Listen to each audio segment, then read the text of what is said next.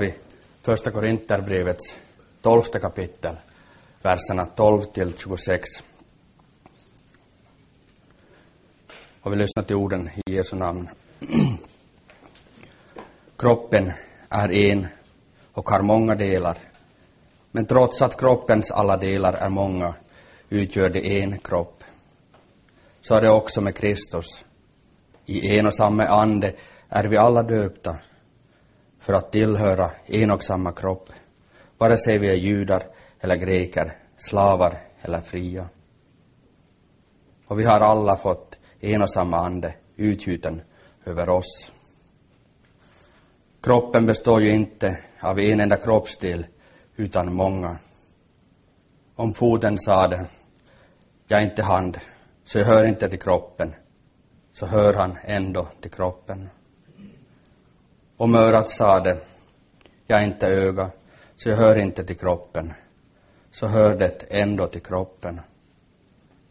Om hela kroppen vore öga, var fanns då hörseln? Om allt vore hörsel, var fanns då luktsinnet? Men nu har Gud satt samman delarna i kroppen, var och en av dem som han ville. Om alla vore en enda kroppsdel, var vore då kroppen? Men nu är kroppsdelarna många och kroppen ändå en. Ögat kan inte säga till handen, jag behöver dig inte. Inte heller huvudet till fötterna, jag behöver er inte.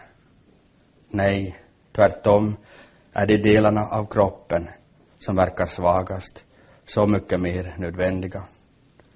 Och de delar av kroppen som vi tycker är värd mindre heder klär vi med så mycket större heder. Och dem som vi blygs för skyler vi med så mycket större anständighet.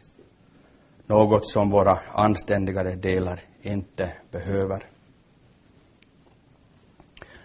Men Gud har satt samman kroppen och gett de ringare delarna större heder för att det inte ska bli splittring i kroppen utan att delarna istället ska ha samma omsorg om varandra. Om en del lider, så lider alla de andra delarna med den. Om en kroppsdel blir ärad, gläder sig alla de andra delarna med den. Amen. Herre, helga oss i sanningen. Ditt ord, o Fader, är evig sanning. Amen.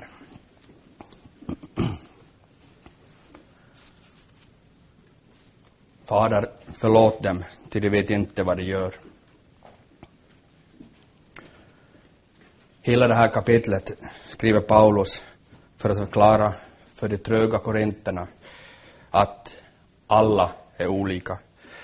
Alla har olika gåvor och uppgifter.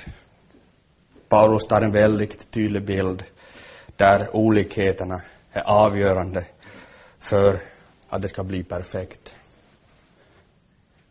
Och där de osynliga delarna är de mest viktiga delarna i kroppen. Han tar bilden av kroppen och sen så frågar han av korinterna indirekt av var och en av dem om de skulle vilja ha, om någon av dem skulle vilja ha tre ögon eller ett öra eller fem munnar på sin kropp, på sin jordiska kropp. Svaret blir naturligtvis nej. Det vill ju ingen ha. Men varför vill de göra så då med Kristi kropp, som är församlingen? Varför vill alla vara mun, eller ögon, eller öron? Varför nöjer de kristna inte sig med de uppgifter som de har fått i församlingen? Utan ständigt jämför och värderar varandra. Paulus tar bilden med kroppen lite längre, när vi, som vi hörde i dagens text när vi läste. Nej, säger Paulus bestämt. vi ska inte göra skillnad på gåvor eller tjänare och börja värdera dem. Det är inte vår uppgift. Som vi vet är det tvärtom med våra jordiska kroppar. säger Paulus. Vi kan diskutera och vi måste välja att leva blinda eller döva, vad som är värre. Och vi ser dessa två saker som det absolut viktigaste. Men vi vet mycket väl att utan ett fungerande hjärta eller hjärna så är vi borta väldigt snabbt. Och de små delarna som vi är uppbyggda av har väldigt stor betydelse för kroppens funktion och välbefinnande. Långt utöver hörseln och synen. Där är de delarna av kroppen som verkar svagast mycket mer nödvändig. Speciellt om vi blir sjuka blir oftare delar vi aldrig ens tidigare visste att vi haft eller känt av väldigt centrala för oss. Blindtarmen, binjurarna, hypofysen eller bukspottkörteln och så vidare. Om någon av dessa börjar bråka stannar ofta hela verksamheten som människan håller på med upp. Alltså, säger Paulus, är de osynliga delarna väldigt centrala och väldigt viktiga för att få det att fungera i en kropp. Och det här vill Paulus göra väldigt klart för oss, att så är det även i församlingen. Paulus fortsätter. Och de delarna av kroppen som vi tycker är värda mindre heder klär vi med så mycket större heder. Och dem som vi blygs för skyler vi med så mycket större anständighet. Något som våra anständigare delar inte behöver. Fader, förlåt dem, för de vet inte vad de gör. Vad är det som Paulus talar om? Eller vem är det som Paulus talar om? Har vi människor i våra kyrkor som är värda mindre heder och sådana som vi blygs för? Finns det människor i vår mitt som inte är tillräckligt duktiga för sällskapet? Sådana som är en belastning för församlingen? Upplever du att läget har varit sånt, eller är sånt, för tillfället i LBK, eller i någon av församlingarna eller systerkyrkorna? Att de har medlemmar ni skäms för? Är våra kyrkor blivit för fina idag? Finns det plats för syndare i dem ännu?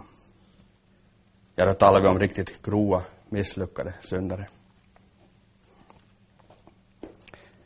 Här är våra kyrkor ännu idag reningsplatser dit syndare kan komma och tvätta sig. Eller har de blivit till något finare? Har vi bytt ut reningsbassängerna där folk kan tvätta sig ordentligt till små, små handfat där man kan skölja lite av händerna? Fördrar vi dem som är mindre värda bär mindre heder. De som inte lyckats och de som vi blygs för. Fördrar vi dem och omsluter vi dem i vår mitt eller utelämnar vi dem till offentligt hån? Finns det rum för fallna och misslyckade ännu bland oss? Eller har vi gjort rent hus och gjort oss av med dem som inte är goda nog?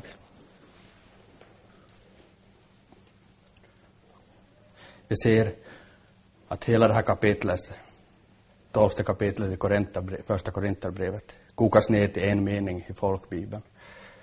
Där säger Paulus, men Gud har satt samman kroppen och gett de ringare delarna större heder. För att det inte ska bli splittring i kroppen, utan att delarna istället ska ha samma omsorg om varandra. Vad är det som Paulus säger till dig, hedervärda som sitter här idag? Jo, för det första säger han att det är Gud som har satt samman kroppen. Inte du. Utan Gud har satt samman församlingen. För det andra, Gud har gett, det är Gud som har gett de ringare delarna större heder. Alltså, till dig och mig har han gett denna heder. Varför då? Kanske du frågar med mig. Jo, Paulus fortsätter att förklara. För det tredje säger han, för att det inte ska bli splittring i kroppen, utan att delarna istället ska ha samma omsorg, samma omsorg som Gud hade om oss, ska vi ha om varandra. Alltså, Gud har gett dig som var en av de ringaste delarna. Eller som Paulus uttrycker det på ett annat ställe, den störste av syndare. Av sin nåd har Gud gett dig större heder. Han har upplyft dig. Du har blivit förlåten och upprättad, du dödsdömda människa. Så nu hoppas Gud att du har tacksamhet till honom över denna nåd. Att du ska ha samma omsorg om alla och undvika splittring i församlingen så långt som det beror på dig. I den församling, just i den församling där Gud har satt dig och den församlingen har Gud satt samman.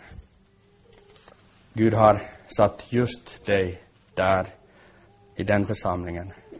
Därför att du, för, du inte ska dra dig undan den gemenskapen, utan samlas där med syskonen varje söndag, varje bibelstudie som ordnas. För det behöver dig. Och du behöver dem. För det är Guds plan för dig. För där kan Gud tjäna dig. Där kan han tvätta dig ren. Där kan han styrka dig. För hans mål för dig är ett evigt liv i himmelen.